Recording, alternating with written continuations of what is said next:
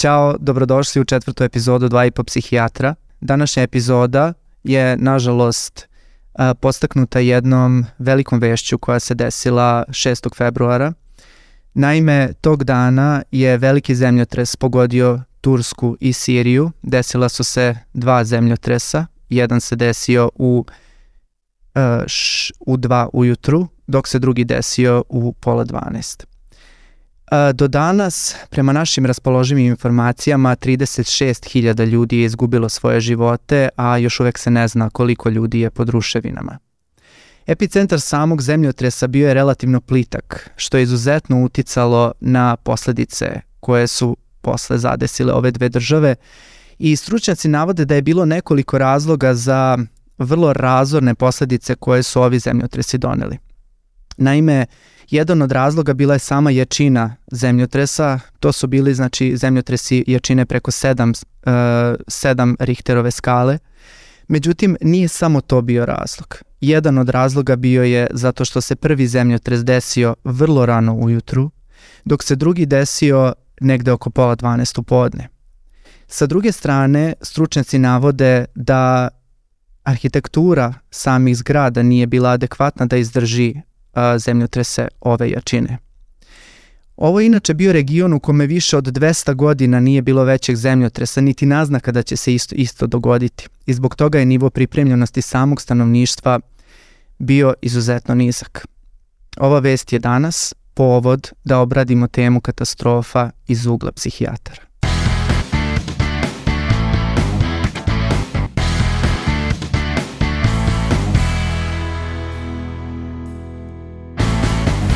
Nekako sada kada si ovo čitao, e, pred, e, da kažem, očima su mi onako katastrofalne slike koje svakodnevno gledamo, vrlo, da kažem, traumatične. I posle dužeg vremena nekako smo vremenom počeli da se navikavamo na medijske slike različitih katastrofa, ali ove su zaista izuzetno dramatične i ja mislim da ne postoji osoba koja nije na njih emotivno odreagovala.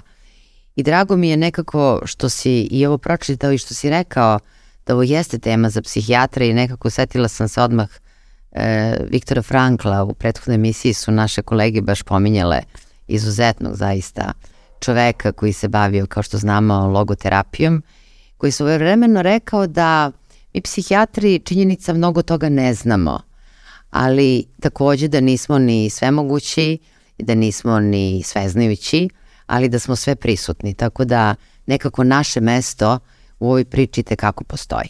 Pa da, mislim, po, pomenula se Olivera Frankla koji je, mislim, ovaj, svima nama dosta, dosta blizak, dosta smo razgovarali o njemu i mislim da je uh, uvek važno u ovakvim situacijama prosto naći neki okvir koji bi bio adekvatan i koji bi bio da kažem, prikladan za nešto što je ovako, što je ovako ozbiljno, s obzirom da je katastrofe ove razmere prosto zahtevaju našu uh, i najveću pažnju i, i budnost da vidimo na koji način mi u stvari možemo da doprinesemo na neki način i pomognemo uh, zajednici i ljudima u ovakvim situacijama. Apsolutno, mislim katastrofe su neizbežna istina i one su prisutne od kad postoji, jel tako, e, ljudska civilizacija. E sada, naravno, kako nastaju katastrofe, možda ne bi bilo loše na početku da uh, ljudima objasnimo u stvari šta mi podrazumemo pod katastrofom. Da, hvala ti Olivera na ovom pitanju. Mislim da je jako bitno da krenemo od samog početka, a sam početak je u stvari definicija same katastrofe. Dakle, Katastrofe su događaji koji pogađaju veliki broj ljudi. Prema nekim definicijama znači više hiljada, više miliona ljudi.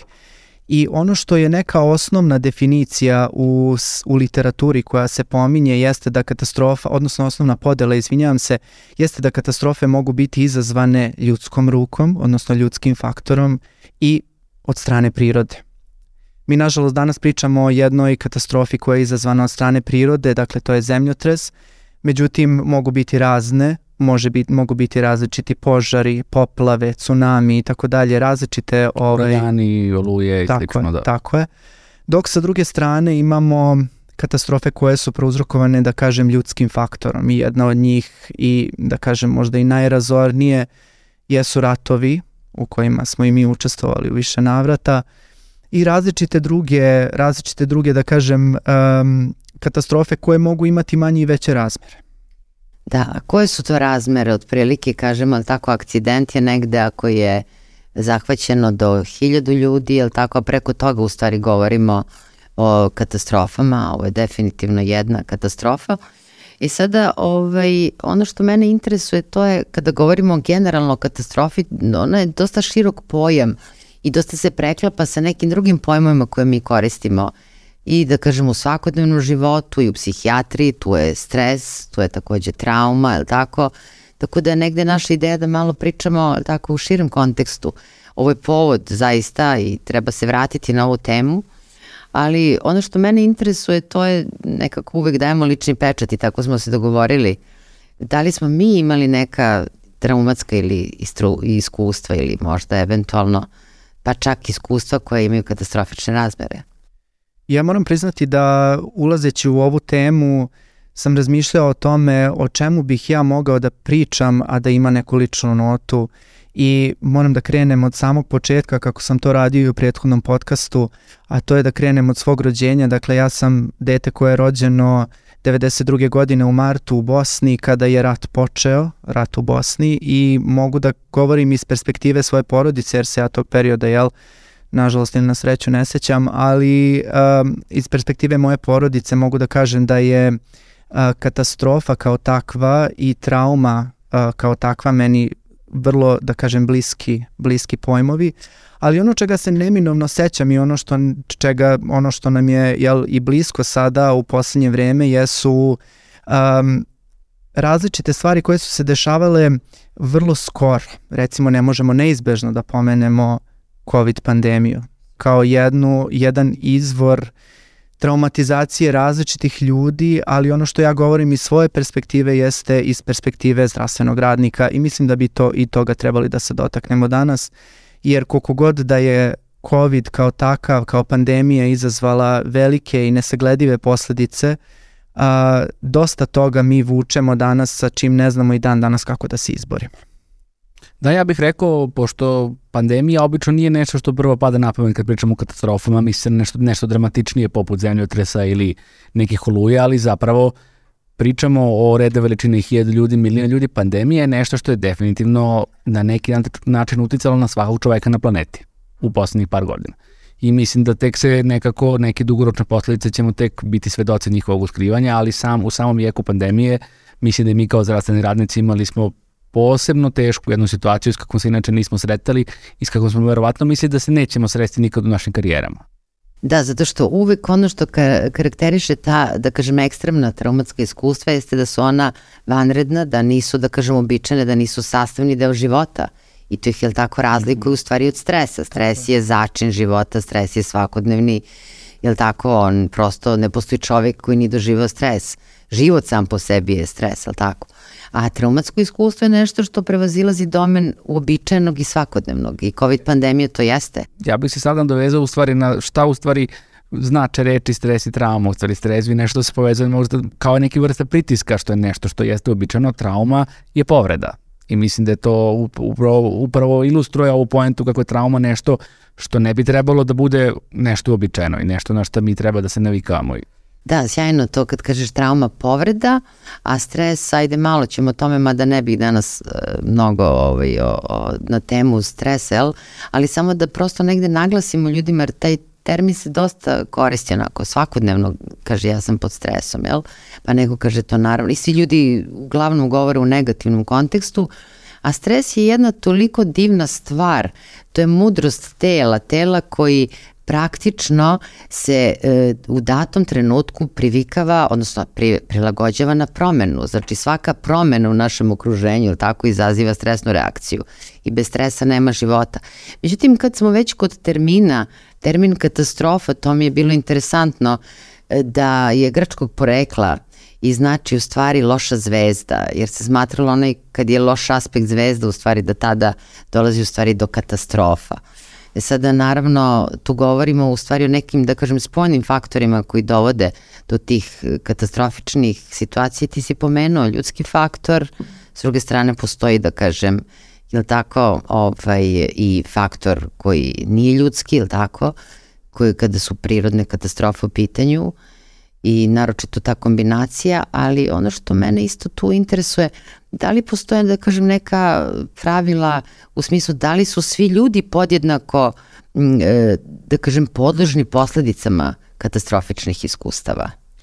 Da, jako dobro pitanje i mislim da i dan danas nemamo potpuno jasan odgovor na to pitanje. Nikada ne, ne možemo da obeležimo nekoga i da kažemo, e, ti ćeš razviti uh, neke psihičke tegobe nakon ove traumatizacije ili na tebe će stres uticati ovako i onako. Mi nekako to govorimo iz perspektive uh, kasnije, znači kada sagledavamo posledice a, same katastrofe. Međutim, ono što znamo jeste da nam dosadašnje istraživanja govore u prilog tome da postoje određeni faktori koji su faktori, kako mi nazivamo u nauci, faktori rizika i faktori protektivni faktori, odnosno faktori koji nas štite kao ljudska bića od toga da razvijemo različite vrste reakcija na stres te, te vrste, te, te reakcije mogu biti različite, dakle može biti um, posttraumatski stresni poremećaj, može biti akutna reakcija na stres, može biti depresija, može biti po, poremećaj, bilo koji, tako, bilo koji poremećaj raspoloženja, zloupotreba substanci i tako dalje, to su neki najčešći, naravno mogu biti i različite druge ovaj, diagnoze iz, iz psihijatrijskog, da kažem, našeg workbooka ili spektra, jel? Ali ovaj ali čak i ne moraju, ne mora to da bi da bude ni zvanična dijagnoza, ne, ali ono što je poenta uh, jeste da mi ne znamo na ko, na koji način će uticati trauma na nekoga, odnosno ta katastrofa koja se desi, mi možemo da pretpostavimo u odnosu na dosadašnje podatke koje imamo. A ono što nam podaci govore jeste da recimo prisustvo psihijatrijske bolesti pre same katastrofe govori u prilog tome da će osoba slabije da se adaptira na tu promenu koja se desila, ona bila manja ili veća, da su to nedostatak socijalne podrške, da je to loš ekonomski status, odnosno kako mi to kažemo, loš socioekonomski status i tako dalje. Znači različite, različite stvari koje mogu da predvide, ali nikako ne mogu da znače da mi možemo da obeležimo osobu koja će definitivno odreagovati loše na neku traumatsku situaciju. Nego i da zapravo samo da ipak malo više obrtimo pažnju na osobe koji su pod povišenim rizikom. Ali ovde je važno ovo što si ti rekao, ali tako, trauma, koja ostavlja ožiljak, koja povredi sam tim ostavlja ožiljak, ali o traumatskom iskustvu govorimo kao uh, iskustvu, individualnom iskustvu, a kod katastrofe mi u stvari govorimo o jednom fenomenu koji se javlja u jednoj populaciji, ili tako, u grupi, u, u stanovništvu.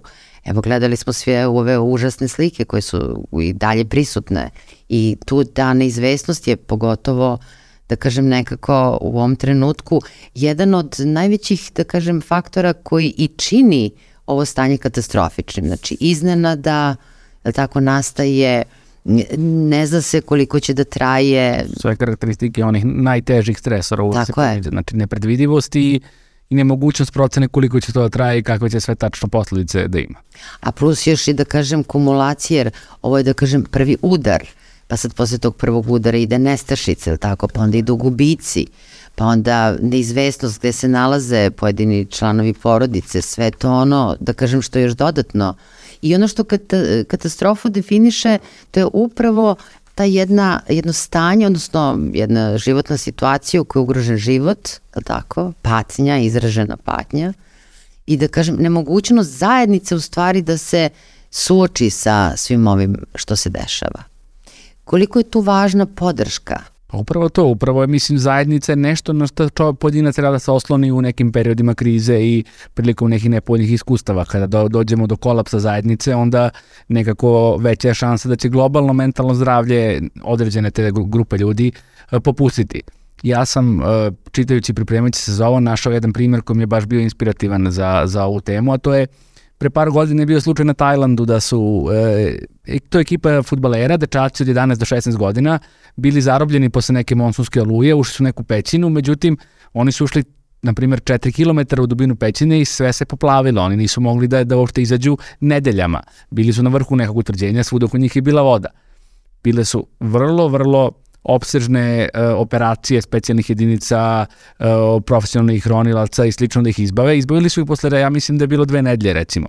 Ono što je bilo kada su ispitivali mentalno zdravlje tih dečaka mesecima posle, jako mali stepen psihičkih tegoba, što su naravno posle propisali, to je bio futbalski tim, oni su imali svoju zajednicu, gde su se međusobno podržavali tokom tog jako, jako stresnog perioda, gde dečaci koji su imali zaduženja, kako su provodili vreme, imali su trenera koji je bio dovoljno snažna figura, autoriteta koji je bio tu sa zarobljen s njima i to je nekako, eto, vidimo na jednom malom primeru koji je skroman, ali vidimo značaj nekako podrške i, i, i međusobne ljudske interakcije u, u ovakvoj situaciji. Sjajno, zato što e, Roberto je pomenuo jedan termin, to je faktor rezilijentnost, je tako, protektivni faktor.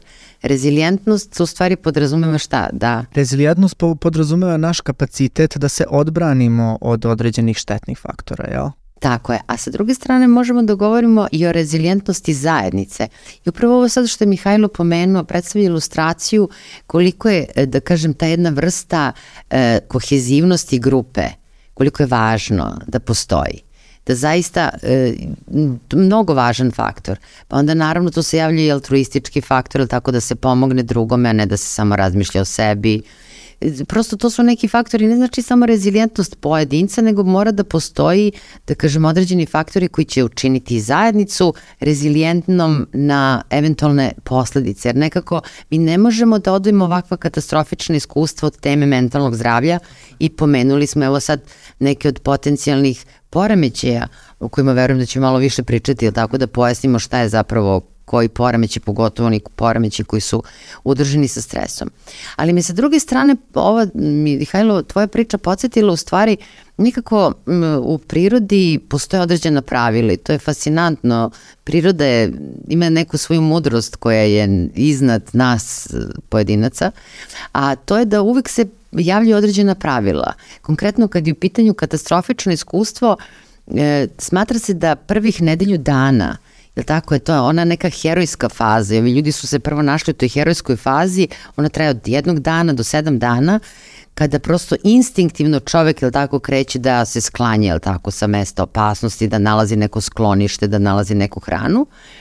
A ono što se zapravo sad dešava, ovi ljudi su sada u toj, da kažem, drugoj fazi koja paradoksalno svoj tragediji koja se dešava naziva se fazom medenog meseca. Mislim da su ovi o kojima si ti pričao nekako uspeli da se izvuku dok su još bili u toj fazi medenog meseca koja traja negde od dve nedelje do četiri nedelje kada kreću humanitarne pomoći. Sad smo svedoci, ili tako, raznih humanitarnih akcija, onda vladinih i nevladinih organizacija, tu su mediji prisutni, ili tako, svi su nekako tu oko njih, pomažu im Međutim, to nažalost ne traje dugo, traje neke četiri nedelje u svakoj kriznoj situaciji, pa i u ovoj.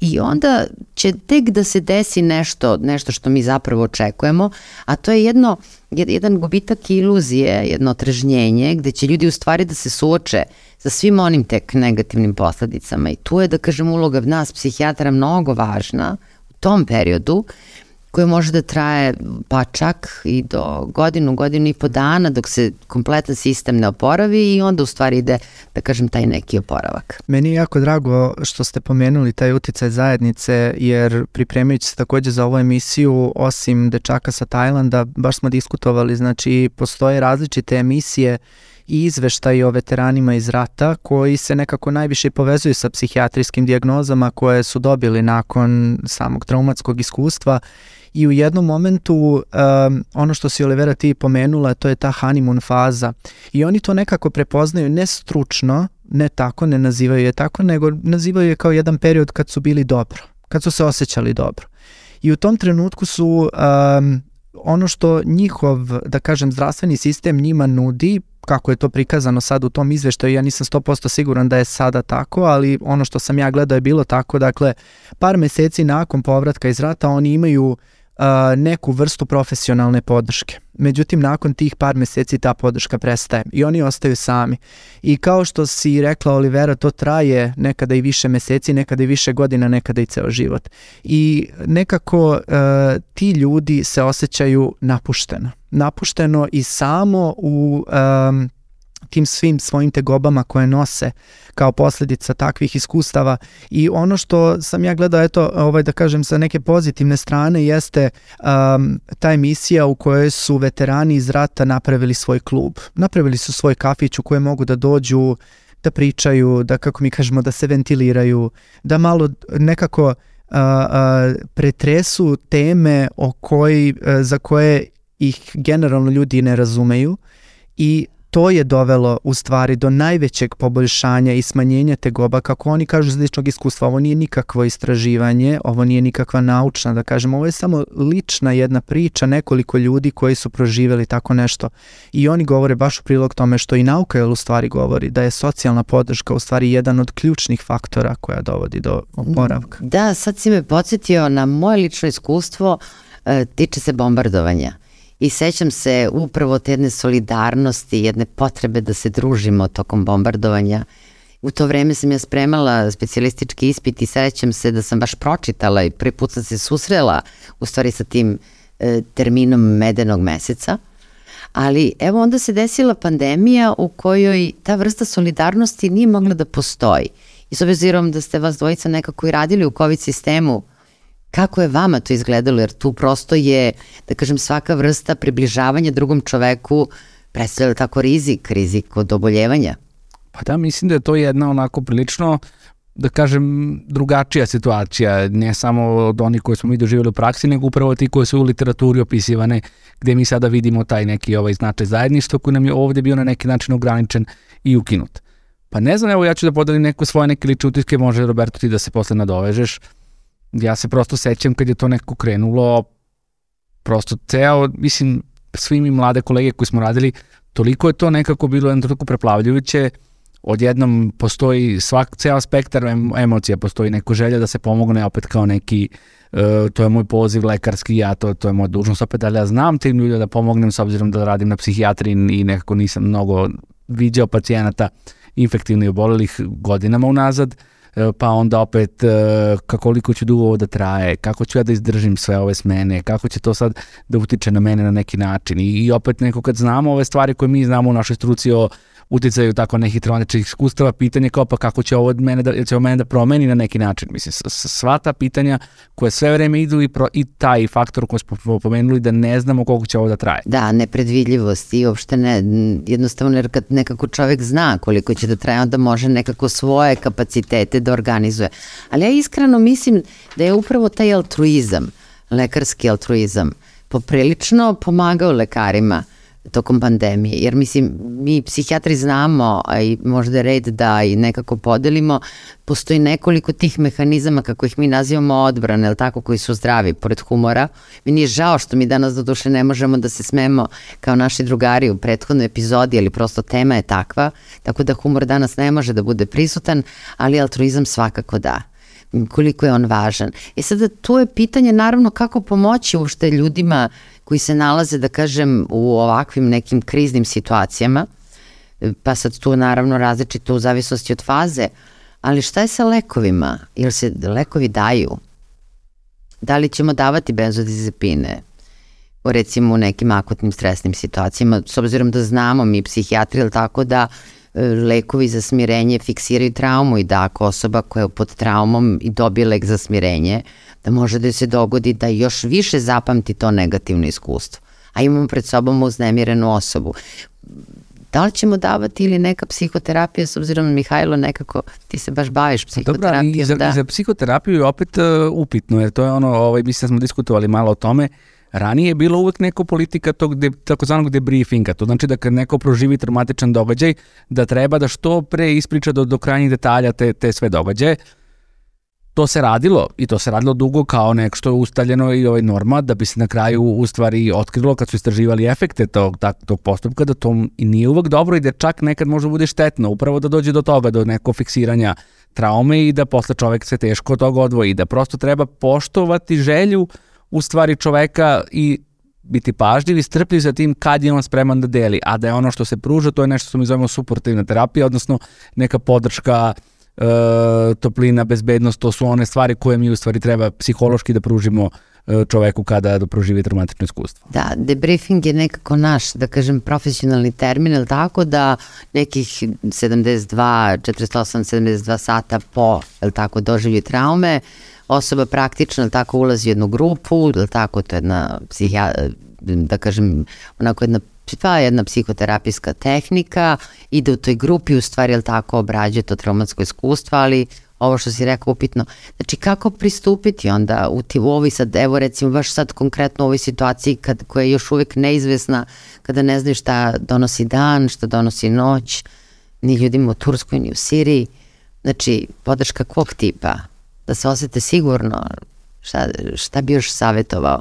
Pa ne znam, ja bih savjetovao da se u suštini kako smo pričali o nekoj znači zajednici i razvijenosti, da probamo da stvorimo uslove, to. Opet neko prerazilazi naravno samo psihijatrijski posao, nego generalno zahteva jedno šire angažovanje cele lokalne zajednice, e, uprave, čega god, ali poenta je da probamo da nekako stvorimo uslove, uslove bezbednosti, pouzdanosti, predvidivosti i naravno neke, da kažemo, snabdevanja nekim osnovnim životnim uh, potrebštinama tako da se ljudi osjećaju. Prvo, mislim da, ajde, da, do, do, do aktual, nismo krenuli odatle, ali mislim da je važno da osobe, da im se osigura fizička bezbednost, da im se osigura mesto da će spavaju, da će da jedu, ipak takve stvari mislim da nose prioritet nad ovim nekim psihološkim intervencijama koje dolaze onda kasnije. Meni se jako sviđa što pominjemo taj koncept predvidivosti uh, i sada bih iskoristio uh, priliku da citiram jednog porodičnog terapeuta koji je jako lepo to sročio u jednu rečenicu kada je rekao više volimo izvesnost jada nego jad neizvesnosti.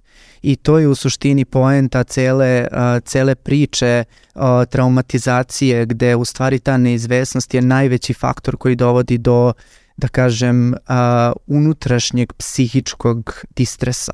I uh, mislim da je prvi korak u stvari da mi, uh, ose, da mi napravimo situaciju takvu, be, bez obzira da smo mi psihijatri ili smo samo prijatelji ili smo ne samo prijatelji, ne mogu to da kažem, nego ili smo prijatelji porodica, komšije i tako dalje, da napravimo da se čovek osjeća bezbedno, da se osjeća prihvaćeno, da se osjeća da ga neko razume, i podržava.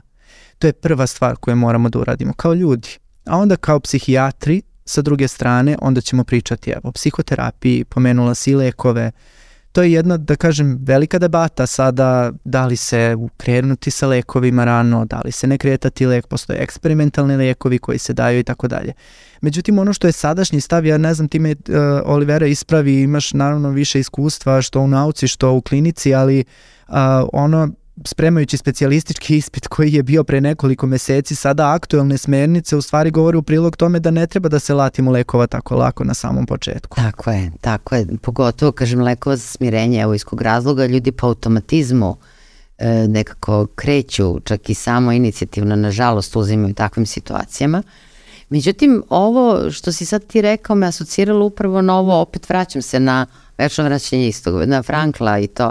Znači mi e, nismo sveznajući ili smo sve prisutni, jer e, i ovo što si ti pominjao i što je Mihajlo malo pregovorio, to je da je stvarno uloga psihijatra nekako u ovakvim situacijama, kriznim situacijama, situacijama kada postoje katastrofe, daleko prevazilaze njegovu svakodnevnu kliničku praksu, i smatra se da je on taj koji u stvari treba da pomaže čak i edukaciji i lajka i da kažem lokalne zajednice i jel tako svih mogućih resursa kako bi u stvari pomogao ljudima na koji način jel tako da se ponašaju u takvoj jednoj situaciji a pogotovo je važna uloga u stvari psihijatara i da pomogne onima koji pomažu. Jer ta jel, vikarska traumatizacija je izuzetno važna Jer sad zamišljamo ljude koji se sad nalaze na terenu i koji pomažu. Oni su takođe pod velikim rizikom da razviju određene vrste mentalnih problema. A ono što mene zanima, ti si pomenula na samom početku, evo sada smo svedoci različitih zastrašujućih scena koje nam dolaze iz Turske i Sirije i različitih drugih zastrašujućih scena koje su pratile različite katastrofe. A zanima me kako je to uticalo na tebe? te, te zastrašujuće slike, te ti, a, kako da kažem, videoklipovi koji kruže internetom, koji poprilično znaju da bu, budu brutalni i da pokazuju nekako brutalne scene. Hvala ti, hvala ti na ovom pitanju. Baš sam razmišljala o tome zato što nekako uh, medijska prezentacija uopšte, da kažem, i nasilja i raznih traumatskih događaja je prisutna, da kažem, decenijama prosto na televiziji nema dana da mi ne vidimo da je negde bila neka poplava, neki požar, zemljotres, ratovi koji se vode stalno negde po svetu.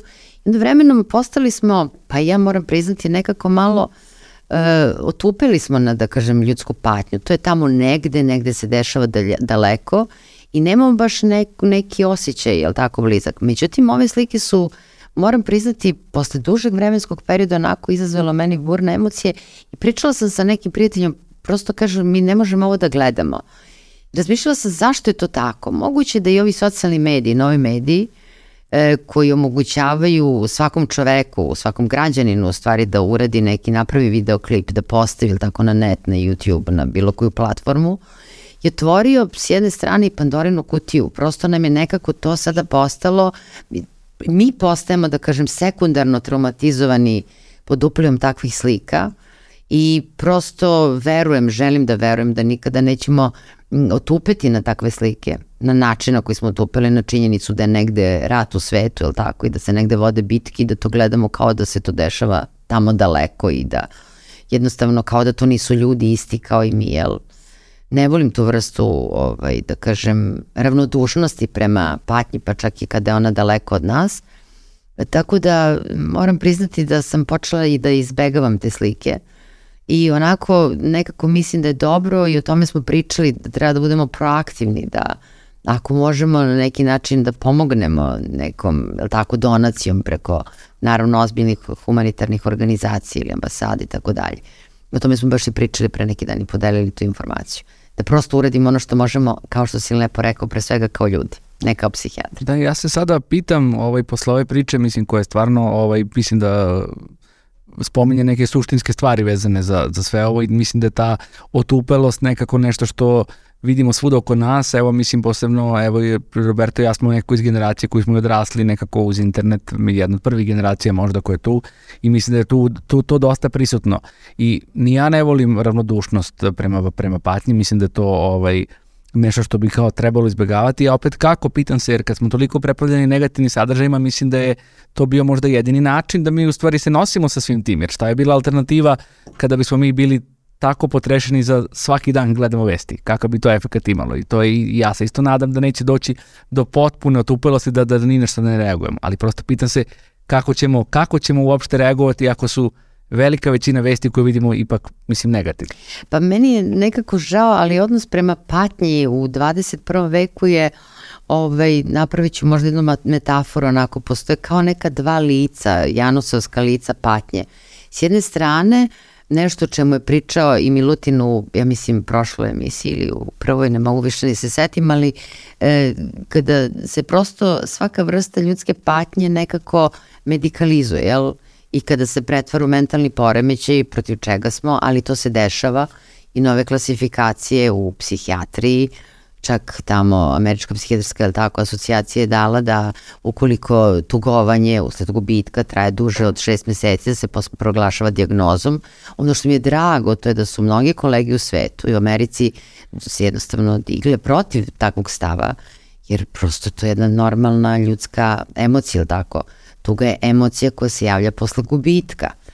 Onda tu imamo i, da kažem, jedan trend tog, da kažem, uh, be happy, jel? Uh, imperativa da u svakom trenutku moramo da budemo srećni, što mislim da je totalni nonsens, ne možemo u svakom trenutku života da budemo srećni.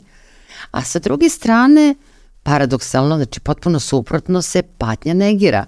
Jer ako mi pokažemo da patimo, kao da gubimo svoju tržišnu vrednost, jel?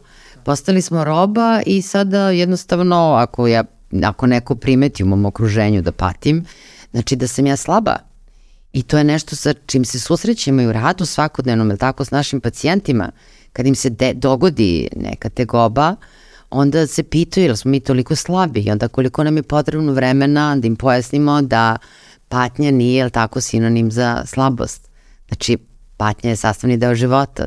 Apsolutno univerzalni. Slažem se da, nego uh, Olivera mene je jako asociralo i vrlo sam se pronašao u celoj ovoj priči vezano za uh, prezentovanje različitih muka i jada, kako smo već to nazvali, različitih uh, katastrofa na, na, na društvenim mrežama. Ja moram priznati da takođe imam osjećaj da nekako sa jedne strane habituiramo, odnosno se navikavamo sve više na, i, i nekako sve slabije reagujemo i sve nam je veći stimulus potreban da bi izazvao istu reakciju kao što, znači sigurno nije mi istu reakciju izazvala e, slika iz rata od pre 15 godina i slika koja dolazi sada, evo, nakon to ove, ovaj, ove priče sigurno u meni nije izazvala istu reakciju. E sada, da li je to do godina, da li je to do moje izloženosti i cele ekspozicije te društvenim mrežama, ja se pitam, ali ono što ne moram da se pitam, ono što viđam u praksi jeste da nikada ne smemo da zaboravimo na ljude koji su, jer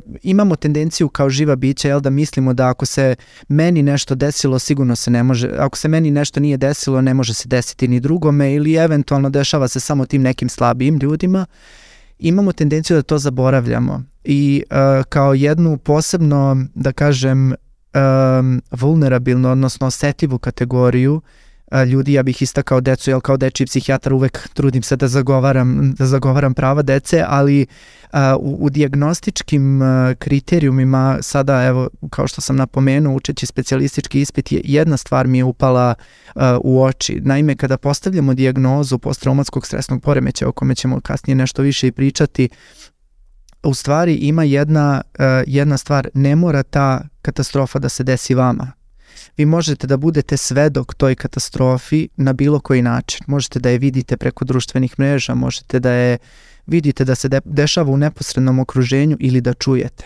I ono što se meni dešava u praksi jeste da mi dolaze deca i da kažu da čuo sam da se moje mami nešto desilo, ja to sada sanjam i to se meni ne izlazi iz glave, ja ne mogu o tome da prestanem da razmišljam i dovodi do stvari stvaranja različitih psihičkih tegoba. I hoću samo da naglasim da je jako bitno da moramo dva puta da razmislimo, a ovo je poruka i za sve ljude u stvari, a i za medije generalno, da moramo da razmislimo na način na koji ćemo prezentovati nešto, jer neminovno je da ćemo, kada se takve stvari plasiraju širim narodnim masama, da će se naći jedna osoba, dete ili starija osoba koja će odreagovati na način na koji to niko ne bi ni sanjao. E, a, upravo si pomenuo malo pre da jedan od faktora rizika upravo su i deca, jel? žene, deca, stari, bolesni, invalidi. A šta je to što je specifično kod, da kažem, traumatskog reagovanja dece, recimo, evo ovih dana nekako uvek mi u glavi ta slika dece pod tim ruševinama. Da, uh, stres kod dece se, uh, generalno psiha deteta je, je dosta drugačija od psihe odraslog čoveka i ono što postoji tendencija, sad ću reći dve stvari koje su možda i ključne kada radite sa decom. Dosta ljudi uh, smatra da je dete mali odrasli čovek, a mi ga to ne možemo tako gledati ni telesno, ni psihički. Deca su, kako mi to volimo da kažemo, i kvantitativno i kvalitativno drugačija od odraslih ljudi. To je pod broj 1. A pod broj 2 moram da kažem da a, se drugačije ispoljavaju tegobe kod deteta i kod odrasle osobe, baš upravo usled njihovih specifičnosti u načinu razmišljanja, u načinu percepcije stvari i tako dalje. I ono što postoji kao zbun u generalno psihijatrijskoj, u psihijatrijskoj praksi, a generalno i u životu jeste kada imamo neko dete koje je hiperaktivno ili je uh, neposlušno na bilo koji način ili impulsivno, agresivno i tako dalje, mi imamo tendenciju da ga obeležimo kao neposlušno, kao bezobrazno, kao dete kome prosto treba jedna vaspitna, uh, vaspitna mera kako bi ispravilo svoje ponašanje, međutim ono što ne znamo jeste da vrlo često depresija kod dece počinje tako što su one impulsivna.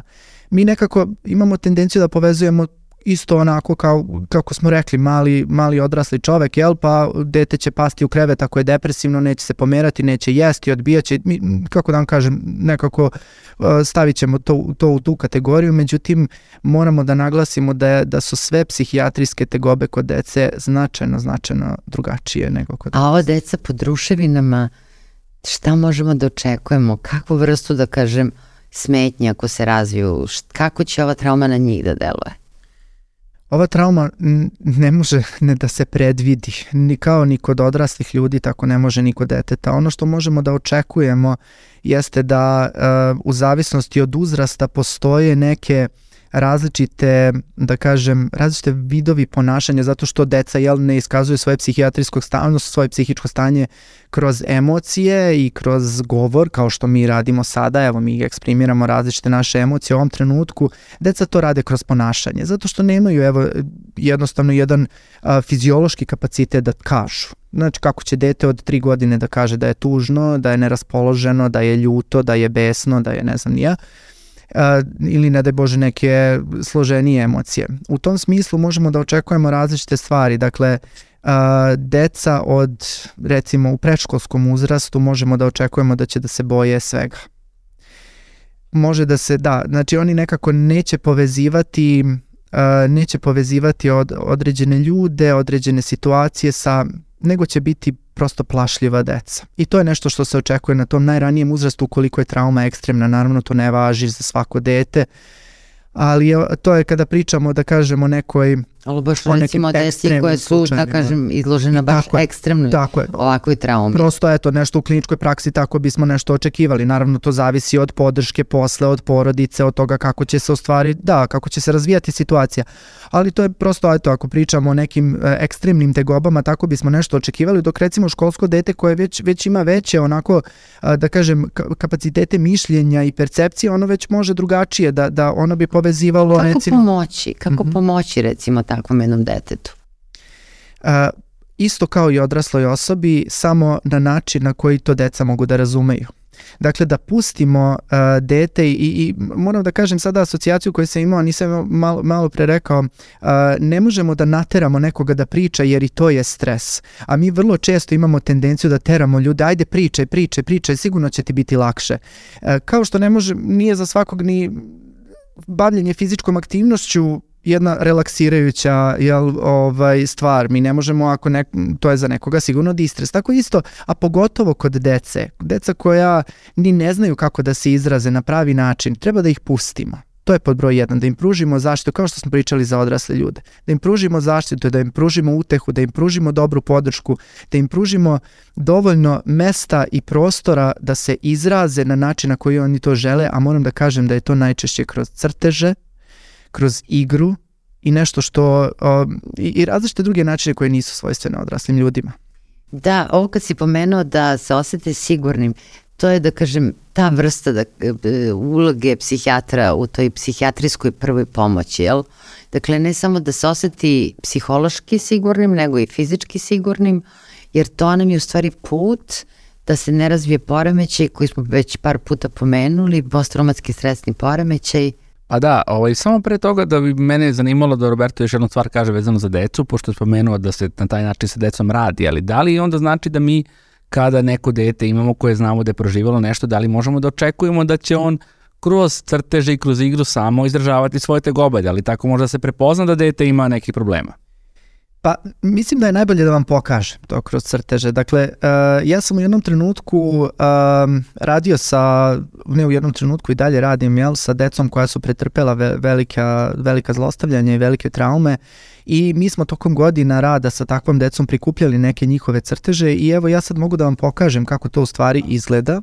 Imamo dve slike, imamo uh, dve slike koje su um, u našoj praksi obeležile evo pandemiju i evo kako su deca videla u stvari uh, pandemiju. Ona sigurno ovo dete koje je ovo crtalo nije moglo na način uh, na koji bi to odrasla osoba rekla kako se u stvari, kako se osjeća u tom trenutku, ali evo upravo ovo što vidimo na slici, ovo je obojeno crvenom bojom, vidi se karantin, vidi se uh, kako virus može da napadne, da napadne čoveka i tako dalje. Znači, on, uh, mnogo toga deca mogu da iskažu kroz crteže, naravno tu ima bezbroj primjera, ovo je meni nekako bilo vrlo ilustrativno da prikažemo da u stvari, da, da, da, da ljudi vide da uh, deca i tekako znaju da iskažu emocije samo na neki drugačiji način i to treba da razumemo. Da, pa mislim sad kad već smo ušli u ovu temu, mislim da je okej okay sada da malo se i pozabavimo terminom posttraumatski stresni poremećaj, da definišemo da vidimo u stvari šta je to.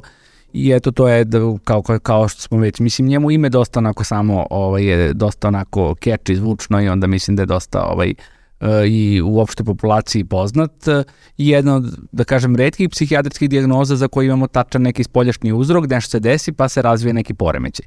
I sad, kao što kaže postraumatski, znači pretpostavlja se da, da, da se doživi neka trauma koja je za nekoga bila na neki način značajna, to su, već smo sad pominjali razloge katastrofe, ratove i slično. I isto je rekao Roberto, to može da bude kada svedo, svedočimo nekom dramatičnom događaju, ne moramo da budemo mi nužno žrtve, znači to, to de, dešava se kod ljudi koji vide ubistva, saobraćaj nesreći takođe mogu da imaju da, da imaju ovaj poremeće, čak ako nije to bilo nek, niko njima blizak, nego prosto su svedoci nečemu što je izuzetno uznemiravajuće. I ono što je kod nekako jedno meni daju padljivanje karakteristika, e, u suštini ponovno proživljavanje traumatičnog događaja je ono što je to ključ. To su, znači, to je ovaj, osobe prosto nastave sa životom dalje bez nekih fizičkih, e, to je, mogu biti bez bilo kakve fizičkih posledica, ali oni imaju nekako ponovno nametanje stimulusa koji su vezani za taj događaj. To mogu biti misli koje se nameću, to mogu biti kroz snove da dolazi ponavljani košmari o tome, o tom nekom interesnom događaju, mogu biti u vidu flashbackova, to su disocijativna stanja gde kao da je u nekim ekstremnim slučajima osoba uopšte nije svesna šta se događa sada, nego kao da se njoj to sve dešava ponovo opet u, u, ovaj, u ovom sadašnjem trenutku. To je upareno sa nekim jednim određenim emocionalnim otupljavanjem za sadašnje stimuluse kao i stalnim stanjem napetosti, povećane razdražljivosti, nekako po, kao da je osoba stalno na oprezu da će se nešto strašno ponovo desiti i imamo naravno i izbegavanje svega što može da podsjeća na uh, na ovo, može biti izbjegavanje sličnih situacija, može biti izbjegavanje čak i ljudi koji nas na neki način podsjećaju da se, nešto, da se to što je nama strašno desilo. Da i ovo što si rekao, redak poremeć u psihijatriji koji ima direktan uzrok, ali ako se vratimo na početak e, ove epizode, praktično ovi ljudi još uvek nisu u fazi da razviju, tako? On se razvija tek kada se čovjek izvuče iz te situacije, kad prođe neko vreme, tako, od delovanja traumatskog iskustva, jel? Pa tek posle. To taman možemo da povežemo sa, pri, sa onom fazom medenog meseca koju smo pričali kada stiže pomoć, zapravo ne i tad se ne javlja, nego kada treba da se nastavi sa normalnim životom. Tad je u stvari problem. Kada prosto više nije vanredno stanje, nego eto sve se vratilo u normalu, taj traumatični događaj nikom drugom više ko nije učestvovao u njemu nije prioritet u životu, osim tim osobama su, koje su ga preživele i tada u stvari nastaju problemi. A, da, s tim što tokom katastrofičnih, da kažem ovakvih iskustava, Kažu negde dva do tri puta je veći broj mentalnih poremeća nego u opštoj populaciji. I tu smo, pored postraumatskog, pomenuli tako i depresivnost i ono što je jako često, to je zloupotreba substancije. Mm -hmm koja se nekada javlja iz nezavisno, nekada i zajedno sa postraumatskim stresnim poremećajem. To jest vrlo često ta neka uh, stanje te neke hiper razdražljivosti se u stvari ljudi ne, ne znaju da reši na drugi način i onda se samo leče zapravo substancama. Da, pogotovo sa alkoholom. Da, i kada smo, izvini samo, kada smo pričali o, e, kada smo u stvari odlučili da ćemo da pričamo o ovoj temi, meni je bilo strašno interesantno da u stvari istražimo dakle taj poremećaj, kako, kako, kad je to došlo uopšte. I sad za ljude, evo koji ne znaju, e, mi u psihijatriji generalno koristimo dve vrste klasifikacija. Jedna je ovo što je Olivera pomenula, Američke asocijacije psihijatara, takozvani taj DSM, odnosno diagnostički statistički priručnik, A druga stvar je od Svetske zdravstvene organizacije priručnik za ovaj uh, međunarodna klasifikacija bolesti. I uh, ono što znamo i kao istorijski podatak jeste 1980. godina uh, prvi put se upotrebljava reč posttraumatski stresni poremećaj. Međutim, zapitah se u momentu kada sam to video, ja nekako razmišljam da je to od uvek postojalo, jer ta, tako sam rođen sam, jel, kad je to postojalo, pa mislim da je bilo uvek. I uh, onda sam počeo da istražujem dobro kada su se, naz, mislim, kada su prvi put opisani slučajevi i, i, i to je u stvari i, i razlog zašto se PTSD, eto kako možemo sad ovaj, kolokvijalno da ga zovemo, ovaj, kao, kao skraćenica, vrlo se često i koristi, prvi put se povezivao sa uh, po, povratnicima iz rata, sa povratnicima konkretno, mislim da je mislim, ovaj, bio prvi svetski rat, jest i, i drugačije se izvalo, to je bio shell shock, ja mislim da, da su ga tako opisivali, nešto što sa čim može da se povuče paralela. Dakle, a, ali ono što je razlika u odnosu na danas jeste da u tom trenutku ljudi nisu znali o čemu se radi i šta je u stvari to i ono što je meni bio interesantan podatak koji sam video online jeste da se uh, u najvećem broju slučajeva smatrao kao uh, jedna vrsta slabosti nazivali su ih slabićima. I mislim da je to jako bitno da pomenemo da, da, da, da zaokružimo celu priču oko toga da u stvari psihijatrijske tegobe nisu znak slabosti. Nego I koliko je skoro u stvari to tek prihvaćeno kao, kao poremećaj. Tako je. Ja bih sad, mislim da napravim jednu malu digresiju, ovaj, pošto sam isto pripremajući se za ovo čitao dosta, ja sam od uvek neko bio fasciniran vijetnamskim ratom, jer je neko kroz ovaj, umetnost imamo dosta nekih prikaza kroz filmove Maestra Lovac na Jelene ili Apokalipsa danas koji pokazuju u stvari sta, mentalno stanje vojnika tamo. Pa sam ovdje našao podatak da je posle tog rata incidenca, odnosno stopa javljanja PTSD otprilike tri puta veća nego kod ostalih ratova u modernoj američkoj istoriji. I onda se tako sam se čitao malo zbog čega je to tako. I upravo tu dolaze u stvari e, do, do izražaja one stvari koje smo pričali o zajednici i o, o, i o prihvaćenosti. Naprimjer, prva stvar koju sam našao je kažu da tu nije bilo zajedništva za vreme rata, u smislu jedinica. Ljudi nisu pozivani u jedinicama i vraćani kući, nego neko pojedinačno. I onda su stalno menjali ljude sa kojima su, nisu mogli ni sa kim da formiraju neki oće zajedništva. Druga stvar, kažu, tad su se razvijali avioni u suštini između drugog svetskog rata i Vijetnama i onda nije bilo perioda neke dekompresije kada vojnik posle drugog svetskog rata treba da plovi kući i on je treba da prođe neko vreme nego desi se da čovjek bude na bojnom polju i bukvalno za 48 sati on bude kući kod svoje porodice. I možda najvažniji faktor, a to je onaj kakav su oni tretman dobijali kad su se vratili kući. S obzirom da to bio rat koji je dosta bio sporavan, nekako u Americi bilo dosta protesta koji su bili protiv rata i ima ovaj, dosta nekih eseja napisanih o vojnicima sa, iz Vjetnama koji se vraćaju i budu praktično omraženi od strane zajednice, posebno protestanata koji su ih dočekivali, gađali ih jajima, pljuvali i slično, što opet nekako na čovjeka koji se vrati iz rata, koji je bio izuzetno sam po sebi traumatičan, čini enormno, enormno loš efekat i da kažemo to su neke rane 70. Znači nije postojao PTSD tad kao kao o, kategorija, oni nisu mogli da ostvare nikakve zdravstvene benefite u smislu lekarske, psihijatrijske nege za to, jer to je bio znak slavosti, a ne, ne psihijatrijski poremećaj. Da, kakav paradoks, s obzirom na to da je ljudima čak nekako poznatiji termin danas post-vijetnamski sindrom nego post-traumatski stresni poremećaj, koji naravno ne podrazumeva samo, ali tako, simptome koji su posljedice ratnih iskustava. Evo, sad smo čuli šta sve može u stvari da dovede do posttraumatskog stresnog poremećaja, da u stvari u vreme kada su ti ljudi patili, to nije dijagnoze nije bilo. Da, meni je interesantno, ovaj, nekako postoje određeni poremeći koji se kroz vreme menjaju. Jer to, Roberto, što se pitao, kako sad to 1980. godine, tako odjednom se pojavlja nova dijagnoza? Šta sad to znači da su psihijatri 80. godina 20. veka bili pametniji od onih pre njih? Međutim, postoji nešto u psihijatriji što mi nazivamo patomorfoza, što u prevodu znači da kroz vreme, znači, jel tako, kada govorimo o istorijskim epohama, mislim na to vreme, se klinička slika pojedinih e, mentalnih stanja menja.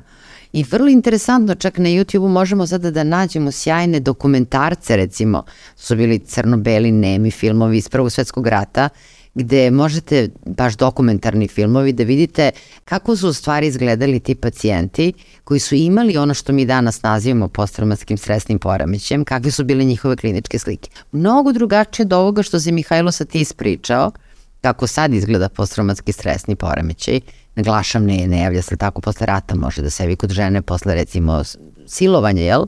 Ili ovo što si pomenuo, tako u nekom trenutku samo posmatranje nekog, jel tako, traumatskog događaja može da izazove, jel? Kako su tada izgledali? To potpuno drugačije, nešto nalik jednom stanju koje mi više tako ne zovemo u psihijatriji, takođe jedan ta, stari termin, to je histerija, jel? Histerija opet izbačen iz klasifikacije upravo zbog jednog, da kažem, negativnog prizvuka Jer kad hoćemo nekog da uvredimo, da kažemo ti si histeričan, a zapravo reč jednom poremeću motorike, znači potpuno nešto nalik e, stanjima kao što su neurološko oboljenje ili ono, to ima dosta u filmovima, ti ćeš mi pomoći recimo, onim starijim malo filmovima kada se desi stresogena situacija pa recimo žena izgubi glas ili oslepi da. ili izgubi glas, jel? Pa da, kao što mislim da se negde pročito da kao u stvari histerija je jedna rečenica koja objašnjava nesvesno simuliranje poznatih somatskih oboljenja. Apsolutno. Je... I takozvana velika lažljivica može da oponira, da, ovaj, da imitira svaku, svaki, ob, svaki oblik poremećaja.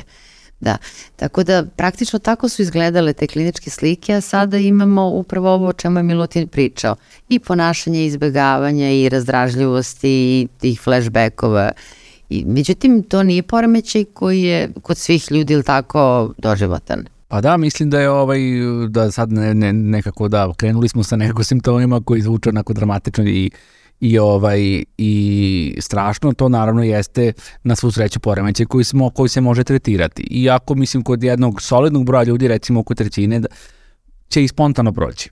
A kod ostalih uz nekako odgovarajuće lečenje to je nešto što možemo očekivati uh, da će biti nekako povratak na nivo funkcionisanja koji je bio pre poremeća. Znači, za razliku od ovih akutnih stanja, kroz koje opet vraća se prolaze ljudi ovi sada u zemljotresu, postraumatski stresni poremeći zahteva i ozbiljno da, tako, lečenje i psihoterapijom i farmakoterapijom, znači daju se i lekovi i sprovode se psihoterapijske tehnike i pomaže se tim ljudima da izađu iz tog stanja jeste upravo u prilog tome govori studije koje su pratile različite žrtve traumatskih događaja, da li su to bili zemljotresi koji su se dešavali u više navrata u našoj istoriji. Konkretno ja sam gledao istraživanja koja su radila one um, užasne zemljotrese koje su se dešavali na Haitiju i u Japanu i e, radili, rađene su studije nakon godinu dana, nakon tri godine i nakon 10 godina, nakon 15 godina od tih događaja i ono je to interesantno da, da ovaj su pokazali upravo ovo o čemu pričamo. Dakle, nije doživotan poremećaj, dakle, neke tegobe bilo, naravno tu ima različitih, da li su lečeni, da li nisu lečeni i tako dalje, ali ono što je bitno jeste da je to prolazno. Ne mora da znači da će biti zauvek. Međutim, e, nažalost moramo da kažemo da postoji jedan, jedna, jedna grupa ljudi kod koje nažalost neke tegobe perzistiraju i ostanu do kraja života i um, to je jedna, jedna od, da kažem, um, klasifikacija, odnosno uh, segmenata u, u klasifikaciji koja i postoji, dakle, trajna, zove se trajna promjena ličnosti nakon traumatičnog iskustva. I to su upravo te posledice koje traju ceo život i koje su nekako dugo, duboko inkorporirane u našu ličnost. A ono što je interesantno, možda će biti interesantno za, za neke ljude ovaj koji su malo, da kažem, više ovaj uključeni u psihijatriju, jeste da, da sada postoji ta druga kategorija PTSD-a, to je takozvani kompleksni PTSD. I taj kompleksni PTSD u stvari, evo, 2000 koje godine sad opet imamo novu kategoriju a, a to je u stvari ta, ta trajna promena ličnosti koja nastaje najčešće nakon a, a, traumatičnog iskustva, ali sad moramo da naglasimo i mislim da, da je bitno da to kažemo, da ne mora trauma da deluje odmah i sada i da se više ne ponovi. Ono što je bitno da naglasimo jeste da trauma može da traje jako dugo i svedoci smo različitih situacija sa različitim vrstama zlostavljanja, sa različitim jel, sam život, težak život u siromaštvu i tako dalje može da bude trauma, trauma za neke ljude i u stvari da dovede do trajnih promena u ličnosti i zapravo postoji jedan, jedna grupa ljudi kod koje će te promene da traju jako dugo. Ali ono što je lepota života, to je da uvek postoji pozitivna strana, je li tako? Tako je. I da kada je reč o traumi, vratio mi se sad osmah na lice, priznajem, a to je da postoji fenomen takozvanog posttraumatskog rasta koji u stvari podrazumeva da kada osoba doživi neko vrlo teško životno iskustvo, može u stvari da nešto uradi dobro za sebe, ali tako?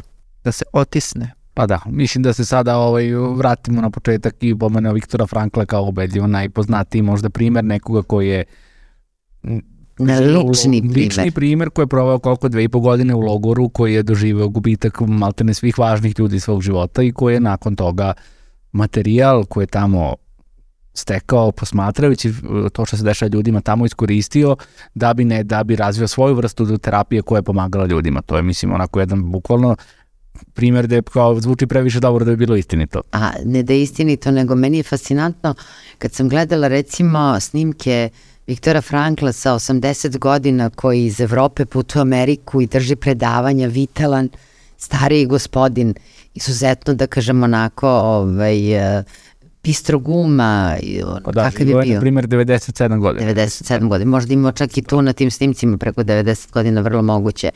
Dakle, oni praktično, to su drugari naši pričali tako, bio u koncentracijnom logoru, doživeo što je doživeo i ono što je interesantno, koliko je on prevazišao sebe samog i koliko je kroz altruizam, ponovo se vraćam, koliko je to zaista zdrav mehanizam, kroz, da kažem, jednu plemenitu svoju profesiju smislio tehniku kako da pomogne drugim ljudima, kako da nađu smisa u patnji, što možda danas, današnjem čoveku 21. veka može da zazvuči malo nemoguće, kako sad neko može da nađe smisa u patnji, a zapravo može. Da, ali postoji osobe koje nekako prežive dosta toga, pogotovo evo i u detinstvu i ti si viđao tolike slučajeve, jel tako, ovaj, i biografije, jel tako, ljudi, slušao koji su upravo govorili o nekim traumatskim iskustvima, pa opet nisu razvili poremeće, jel tako? Dakle, postoje osobe koje kažemo su rezilijentne. Šta je to u stvari što karakteriše uh, Da li su to neke osobine ličnosti, o čemu se tu radi? Kako je to neko rezilijentan, možda mu se dese grozne stvari u detinjstvu, a opet da izrasta u jednu zrelu, zdravu, optimističnu osobu? Da, slažem se i, i mislim da je jako bitno da, da o, o, i o tome malo pričamo. Rezilijentnost je takođe kao i a, sve ove druge stvari koje su a, e, suprotne rezilijentnosti, a, nije baš u potpunosti jasno zašto je neko rezilijentan. Ne postoji sada magičan odgovor da ja sad tebi kažem rezilijentna je osoba ta i ta pod tim i tim imenom sa tim i tim karakteristikama, ne. Ali postoje neke stvari koje su jel, kroz istraživanje ljudi našli kao da su odlike rezilijentnih osoba, to su da kažem prvenstveno neki dobri primarni kapaciteti, neki zdravi mehanizmi odbrane koje si pominjala koje si pominjala ranije, neka dobra podržavajuća socijalna sredina, život u jednoj podržavajućoj zajednici, način na koji osoba reaguje na različite traume, odnosno da nije imala različitih, da li je imala ili nije imala različite prethodna traumatska iskustva i tako dalje. Da li, da li je postojala, kao što smo i rekli, ovaj, psihijatrijska dijagnoza ili bilo kakve druge psihičke tegobe pre delovanja samog traumatskog događaja i tako dalje. Nekako je ta priča vrlo povezana sa onim kome će se desiti, kome se neće desiti. Ali kad pričamo o rezilijentnosti, mislim da ono čega smo i o čemu smo i najviše pričali danas, da ta socijalna podrška, umreženost, uvre, nekako ta, ta osjećaj pripadnosti u stvari uz, uz neke lične, da kažem, ovaj, kapacitete, nešto što najviše štiti osobu. Ne znam, Mihajlo, bi se pa ti da, složio? mi često psihijatri gledamo, kao kad gledamo faktore rizika za bilo šta, gledamo taj biopsihosocijalni model, to je da postoje neki biološki faktori, neki socijalni neki psihološki u biološke bi spadao neka, neka ovaj, genetska predispozicija, zato što mi u suštini ono što znamo zasigurno da nasleđujemo, to je nasleđujemo način na koji mi suštinski reagujemo na stimulus spoljne sredine. Znači neku vrstu osetljivosti koja može biti na bilo na dobre, bilo na loše stvari. Ljudi koji su da ono što bi nazvali da, temperamentni, odnosno imaju veći stepen reaktivnosti su verovatno u većem riziku za neke nepovoljne događaje e, socijalni koji smo ovde napominjali, koje nekako se izdvaja možda, čini mi se u zaključku kao možda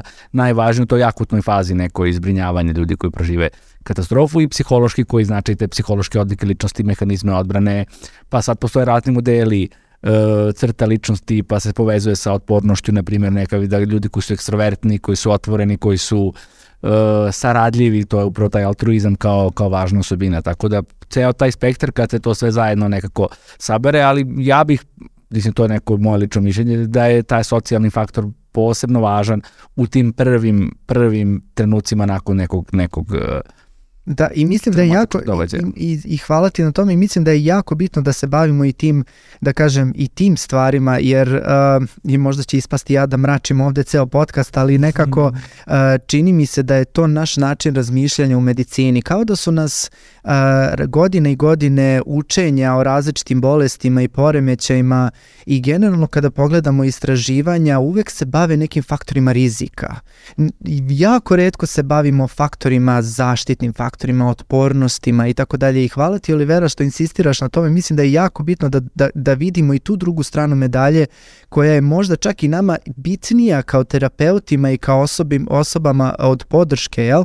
Ovaj, gde ćemo se mi nakon svega toga što se desa u stvari upravo i fokusirati na te pozitivne strane. Apsolutno, ovaj, jer nekako, e, sećam se sve vremeno kad sam prvi put naišla na ovaj, jedno delo koje se zove Bolje anđeli naše prirode, jednog psihologa i filozofa, zove se Steven Pinker. E, to je jedna izuzetna knjiga koja je poprilično obimna, a ima razlog zašto je obimna.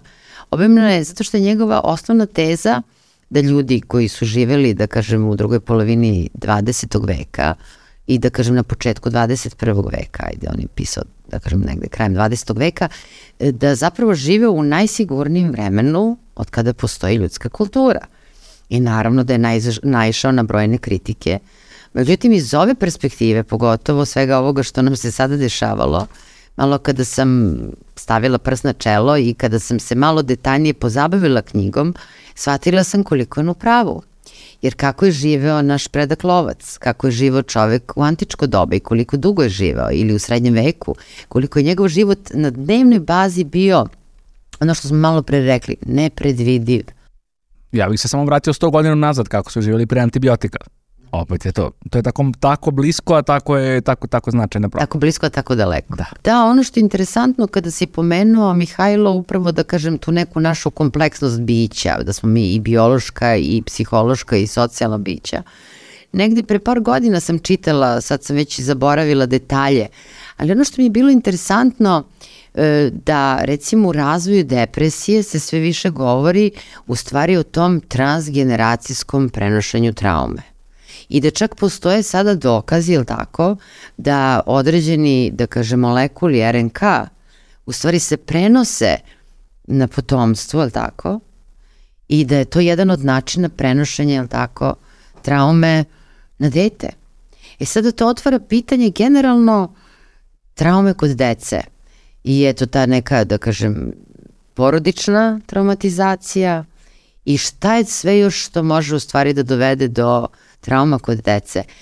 Ja znam onako kao adultni psiho, psihijatar za odrasle, tako da vi deči psihijatri nekako stvarno stavljate taj fokus na zlostavljanje i zanemarivanje, jer se baš bavite time dosta. Da. Uh, pa moram priznati da uh, na našu žalost, odnosno na žalost celog društva, uh, zlostavljanje i zanemarivanje u našoj kliničkoj praksi, a generalno i u životu je dosta uh, često i dosta često se bavimo time ovaj, generalno u našim ambulantama veliki procenat dece dođe upravo zbog um, nekih traumatizacije ili nekih posledica uh, zlostavljanja. Uh, ono što je dobro, uh, o čemu je dobro pričati jeste ko u stvari, kome treba pomoći. Kom, ko je u stvari ta, to dete kome treba pomoć jer dosta stvari može da se reši i na lokalnom nivou i od strane, da kažem, nekom vrstom podrške, pomoći i tako dalje. Međutim, kada primetimo da dete ima problema u svakodnevnom funkcionisanju, kada primetimo da slabi u školi, kada primetimo da a, ima problem da se druži, kada se izoluje od drugih ljudi ili kada je prosto promena potpuno uh, nagla u odnosu na ono kakvo je dete inače, kada je ta promena nagla i ekstremna, onda nedvosmisleno treba da se obratimo za pomoć. Ja ne kažem da je to eksplicitno psihijatrijska pomoć, to može biti pedagoška, psihološka, logopedska, defektološka i tako dalje. Postoje razni vidovi pomoći, ali podrška je sigurno potrebna u onom trenutku kada uh, tegobe deteta, mentalne tegobe, psihičke tegobe utiču na funkcionalnost. I ono što mogu da primetim uh, iz prakse jeste da uh, uh, kod nas se vrlo često priča o fizičkom zlostavljanju, o seksualnom zlostavljanju, ali ona kategorija koja se pokazala da ostavlja možda i najdublje, najtrajnije, najveće posledice, a nekako je čini mi se ona sama zanemarena, jeste psihološko zlostavljanje, jeste emocionalno zlostavljanje.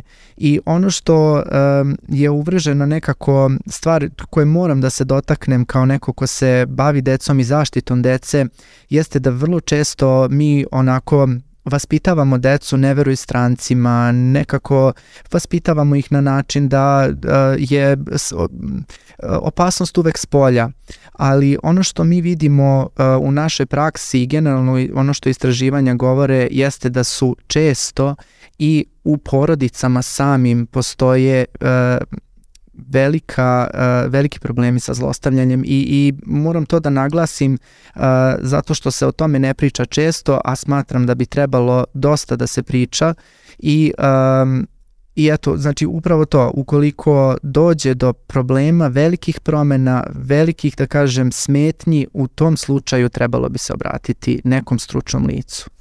A recimo u slučaju da roditelji iz određenih razloga neće da, jel tako, reaguju ukoliko primete problem kod deteta, ko je to još ko može u stvari da pomogne? Ko je to ko najčešće u stvari premećuje tu vrstu problema iz tvoje prakse? Pa vrlo često se dešava da ukoliko je zlostavljanje u porodici da članovi porodice ne reaguju. I onda se dešava da drugi profesionalci to primete. Recimo vide modri, modrice kod deca u školi, učiteljica, vaspitači, vrlo često su tu uključeni centri za socijalni rad, pa postoje različiti, različite druge instance koje mogu, mogu da primete. To su često i komšije i neki porodični prijatelji i tako dalje. Znači, ukoliko je u samoj porodici, a ukoliko je na drugim, na drugim nekim aspektima zlostavljanja, recimo vršnjačko, digitalno nasilje i tako dalje, onda možemo očekivati od deteta samog, sada sve više očekujemo od dece same, vrlo često prijavljuju, a sa druge strane to radi i roditelji. Ovo je definitivno tema koja treba posebno posvetiti epizodu. Slažem se, slažem se, apsolutno. Mislim da je jako bitno pričati o tome, a mislim da se uh, svakako ne priča dovoljno. Da, međutim, ovaj, nekako uh, pred sam kraj, ono što mislim da je važno da naglasimo, to je da je divno što imamo komunikaciju preko raznih vidova, tako, socijalnih mreža, e, mobilnih telefona i toga, ali da upravo ako želimo da nekako ublažimo različita traumatska iskustva, različite stresore života, mi treba što više da se družimo, da što, što, treba što više da budemo ovako, oči oči jedni sa drugima i da jedni drugima prenosimo, da kažem, dobre vibracije. Wow, nemam ništa Slažem se, apsolutno.